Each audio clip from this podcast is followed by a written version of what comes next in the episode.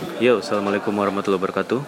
Masih sama gue Adit dalam podcast The Classic Number 10. Ya, untuk episode kali ini gue ingin membahas hal yang ringan-ringan aja ya, yaitu preview ya pre- preview pertandingan Serie A pekan kedua antara AC Milan melawan Brescia. Ya emang gue eh, emang berniat sih pengen bikin preview dan review pertandingan Milan. Maksudnya selama gue bisa nonton, selama nggak ada kesibukan lain yang yang lebih uh, prioritas untuk dikerjain gitu, gue akan coba bikin season ini gitu ya. Semoga aja bisa terlaksana ya ya. Uh, Milan lawan Brescia ini uh, bagi kedua kesebelasan ya adalah pertandingan yang uh, apa ya yang menurut gue penting gitu. Brescia nih bagi tim tamu Brescia mereka kalau bisa mencuri poin, apalagi kalau bisa menang lawan Milan di San Siro, ini akan menjadi uh, suntikan moral yang berharga buat mereka karena mereka akan uh, apa namanya mengalami start yang bagus gitu sebagai tim promosi. Ya, uh, Brescia ini kan juara Serie B musim lalu dan pemainnya Alfredo Donnarumma juga meraih gelar Capocannonieri. Ya, tim yang bermain atraktif di Serie B musim lalu dengan banyak gol yang mereka ciptakan ya.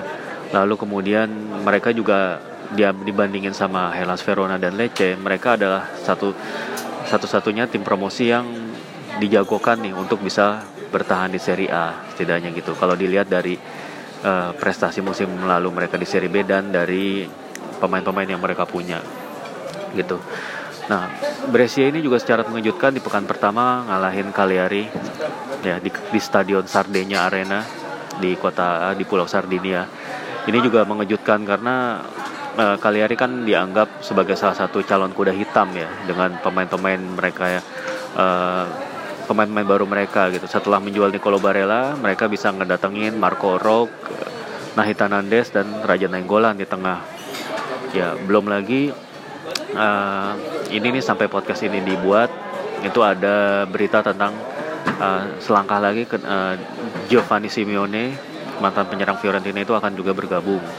Dan mereka juga masih mempertahankan pemain-pemain kunci lainnya musim lalu seperti kiper Alessio Cragno uh, lalu apa penyerang João Pedro dan juga uh, top skor mereka musim lalu Leonardo Pavoletti.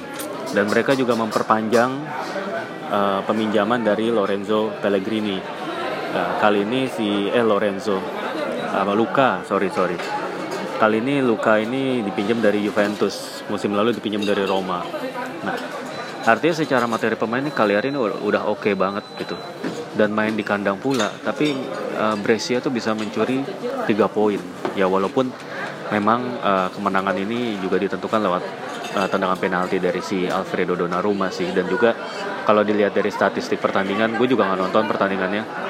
Ya ball possession dan juga peluang-peluang itu masih didominasi oleh uh, ya hanya karena penyelamatan-penyelamatan gemilang yang dilakukan oleh kiper dari Brescia Jesse Joronen ya kiper baru Brescia asal Finlandia yang usianya 26 tahun kiper kedua timnas Finlandia tingginya hampir 2 meter. Nah ini kayaknya juga bisa jadi calon kiper bagus juga nih di Serie A nih. Dia bikin penyelamatan-penyelamatan gemilang dan akhirnya dia dinobatkan sebagai man of the match. Nah, tim papan bawah dengan kiper yang jago ini adalah seolah seperti mimpi buruk buat Milan ya. Ya kiper lawan gak jago aja Milan masih kurang bisa mengancam gawang lawan gitu, apalagi dengan kiper yang jago. Ya, itu terbukti kalau apa di pertandingan pertama uh, pertandingan pertama uh, Serie A musim ini Milan saat bertandang ke Udinese sama sekali nggak bisa bikin shot on target ke gawang dari Juan Musso kiper Udinese.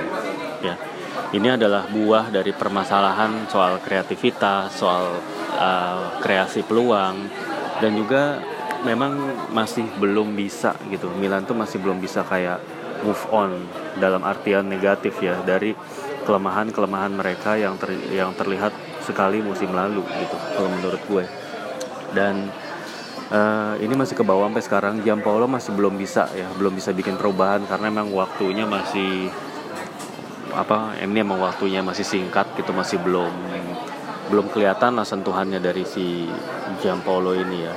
Dan ya akhirnya ya lawan Udinese kemarin itu permainan Milan sama kayak musim lalu build upnya lambat ya eh, penetrasi penetrasinya sangat kurang jarak antar pemain juga renggang gitu. Kayak nggak ada pola nggak ada pola oper-operan yang pokoknya mereka nggak bisa ngekip bola itu lebih dari dua atau tiga umpan. Tiga umpan lah gitu. Habis itu pasti kerebut. Dan mereka benar-benar kayak buntu gitu. Kalau musim lalu kan Milan pada saat-saat buntu seperti itu udah aja langsung bola kasih ke Suso Suso langsung umpan ke kotak penalti itu cara cara Milan untuk bikin gol. Nah musim ini ya Milan dengan main pakai 4-3-1-2 itu cara itu nggak bisa dilakukan waktu pertandingan lawan Udinese. Dan pada akhirnya di 10 menit terakhir Jampolo akhirnya nge-switch formasi dan Suso disuruh main di kanan lagi. Tapi itu udah telat ya. Udah nggak ada ibaratnya Milan nggak ngedapetin peluang-peluang berarti lah. Itu selain dari klaim penalti, klaim VAR, yaitu nggak mencerminkan sepak bola yang bagus gitu. Nah, setelah kekalahan dari Udinese itu uh, di Milan di tubuh Milan itu sendiri mulai timbul keraguan di sana sini. Ini bakal terulang lagi musim-musim yang penuh drama, penuh penuh bencana ya tanpa prestasi, tanpa lolos ke Liga Champions.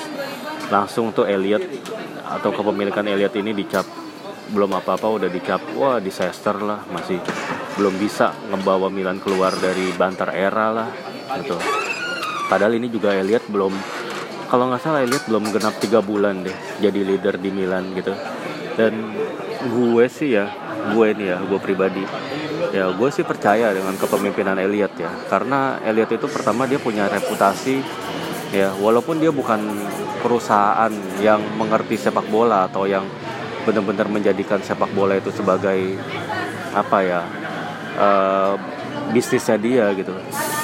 Uh, tapi Elliot ini punya reputasi untuk bisa naikin value. Kan tujuannya Elliot adalah supaya uh, dia kan perusahaan kapital lah ya. Dia kan ingin meningkatkan value, meningkatkan nilai dari uh, apa namanya entitas-entitas yang dia tanamkan modal gitu nilai punya nilai jual yang tinggi ya memang tuh ujung-ujungnya akan dijual tapi kan Elliot itu punya cara lah ya punya cara untuk bisa ningkatin value dan kemudian dijual dengan dengan harga yang lebih tinggi ya kita nggak bisa segitu aja memandangnya dengan negatif bahwa oke okay, ini sih jadinya bakal pemain-pemain muda nggak ada pemain bintang nggak ada rekrutan transfer yang bagus gitu nggak juga ya mereka udah nunjuk orang-orang yang ngerti sepak bola untuk hal ini yaitu Maldini dan Boban dan juga Ricky Masara ya. Untuk ngomongin soal value itu lebih ke kerjaannya si Paulo Scaroni dan Ivan Gazidis gitu. Artinya uh, manajemen Milan itu udah solid menurut gue tinggal sebagai pendukung ya kasih waktu lah gitu. Kasih waktu dan ini juga bukan waktu yang sebentar, bukan waktu yang cuma berapa bulan, setahun. Paling nggak butuh 3 sampai 4 musim lah untuk bisa benar-benar uh, perubahan Elliot ini kelihatan gitu yaitu dengan rekrutan pemain-pemain mudanya yang mulai uh, tampil bagus juga mulai prestasi yang mulai stabil gitu dan juga filosofi permainan yang udah mulai kelihatan. Nah bicara filosofi nih ya atau apa ya orang kemarin tuh pada ribut soal uh, apa ya soal pola permainan. Ini pakai 433 atau stick ke 4312 gitu atau ke dimodifikasi jadi 4321 hmm. ini udah kemarin ada beberapa yang mention gue ya aduh sebaiknya tetaplah pakai 4312 atau udahlah switch aja atau ya ada kebanyakan sih pengennya tetap polanya tuh sama tapi pemain-pemainnya line upnya itu di perbaiki gitu. Jadi jangan masang pemain-pemain yang out of position seperti Fabio Borini uh, terus kemudian Hakan lalu kemudian si Castillejo terutama tiga pemain itu sih yang ngedapetin kritik paling tajam gitu ya jadi Milan tuh harus nurunin kayak Benasir dan Kessie di tengah lalu kemudian ada Paketa juga dan kemudian Suso dan Bonaventura gitu. Itulah yang paling diharapin main untuk menemani Christoph Piontek gitu loh. Itu yang paling diharapin dari uh, para Milanisti sih menurut gue dan kalau dari harap dari gue pribadi gue berharap Andrea Conti dimainin untuk gantiin Calabria. Karena emang kalau misalnya si Jampolo tuh pakai pola yang permainan yang narrow atau yang sempit itu uh, butuh fullback yang ag aktif agresif yang bisa ngasih opsi umpan bagi para gelandang ketika uh, lawan itu memperkuat lini tengahnya menum atau menumpuk pemain-pemain di tengah gitu. Nah, nah kalau menurut gue sih kalau soal pola permainan formasi itu sih cuman sesuatu yang di atas kertas ya. Yang lebih penting dari sekedar formasi itu adalah menurut gue sih filosofi atau ya kalau filosofi itu bahasanya ketinggian ya cara bermain aja lah gitu. Lu tim lu tuh mau main dengan cara apa gitu? Apakah ball possession, apa counter attack gitu? Apa all out attack, apa all out defense? Yang jelas gitu. Dan layaknya tim yang ingin menjadi besar dan juga tim yang ingin menang dengan cara yang banyak dikenang orang nggak ada cara lain selain memainkan sepak bola yang proaktif bukan yang reaktif proaktif itu dalam artian dia memegang kendali permainan. Dia itu yang mengambil inisiatif itu artinya mau micro taktiknya itu jalan gitu. Mereka itu benar-benar memainkan sepak bola brand brand sepak bolanya sendiri gitu. Tanpa ya oke okay lah ada merhatiin kekuatan lawan. Tapi yang lebih diutamakan adalah bagaimana timnya itu bermain baik, bukan bagaimana menunggu lawan membuat kesalahan atau menunggu menunggu adanya atau mencari-cari celah kosong yang bisa dimanfaatin. Itu bukanlah uh, tipe sepak bola proaktif yang sebelumnya udah di dicanangkan oleh Giampolo. Nah ini emang belum kelihatan gitu dan emang nggak gampang untuk tim yang selama bertahun-tahun mainnya seperti itu Eh, nggak uh, punya identitas cara bermain yang jelas, nggak punya pemain-pemain yang cocok untuk uh, pola permainan. Inilah yang terjadi gitu. Ini dan ini saatnya menurut gue diperbaiki bener-bener nih musim ini gitu. Lalu kemudian ini juga ada hubungannya dengan pergerakan transfer. Tapi mungkin ya kalau emang ada waktu gue akan bahas tersendiri uh, rekap dari transfer Milan ya. Tapi paling enggak uh, Milan butuh satu atau dua pemain lagi sih satu di posisi second striker tentunya kalau mau masih stick di 4-3-1-2 atau left winger kalau mau ganti ke 4-3-3 Nah inilah yang kemudian ya harus dicari oleh Milan nih. Bursa transfer tuh tanggal 2 udah ditutup. Itu tinggal tiga hari lagi ya. Siapa pun yang mau dibeli itu harus Milan harus cepat dan harus jelas tawarannya gitu. Jadi nggak nggak bisa bertele-tele lagi nggak bisa kayak nego kelamaan. Ya udah ini sekarang posisinya udah kepalang butuh. Jadi kalau emang klub uh, pemilik pemain incaran itu ngasih harga matok harga yang tinggi ya itu udah konsekuensi mau gimana lagi bos ini udah nggak bisa lagi gitu. Ini udah waktunya mepet ya. Klub yang mau di pemainnya diincar itu kan mereka juga butuh untuk nyari pengganti. Kecuali kalau Milan itu beli pemain yang udah emang masuk transfer list. Jadi memang proses nego lebih mudah. Tapi kalau pemain-pemain yang sebelumnya itu nggak dalam status apa nggak dalam status dijual ya ini akan menjadi negosiasi yang alot dan bisa jadi campaign transfer Milan itu berakhir mengecewakan nggak dapetin siapa-siapa dan nggak ngejualin siapa-siapa nah tapi kembali ke pertandingan lagi ya Brescia itu akan pakai pola 4-3-1-2 sama seperti yang dipakai Milan di uh, Giornata pertama. Yang mana dengan gelandang yang narrow dan compact ini ya udah pasti akan menyulitkan Milan untuk uh, apa namanya mendapatkan ruang. Kalau Milan akhirnya mainin Suso di posisi yang lebih melebar, ini mungkin ada harapan akan terciptanya ruang buat si Suso. Tapi pastinya gue yakin pelatih si Korini itu udah membuat antisipasi.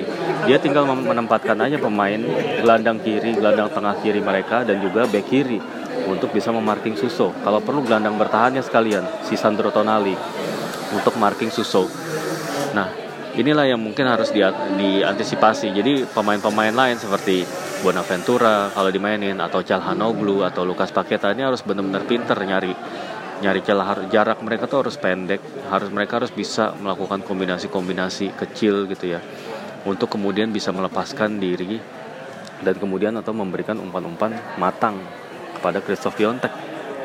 Ya inilah yang menurut gue harus di, dilakukan ini jadi menurut gue harus ada perubahan harus ada reaksi sih setelah kekalahan kemarin.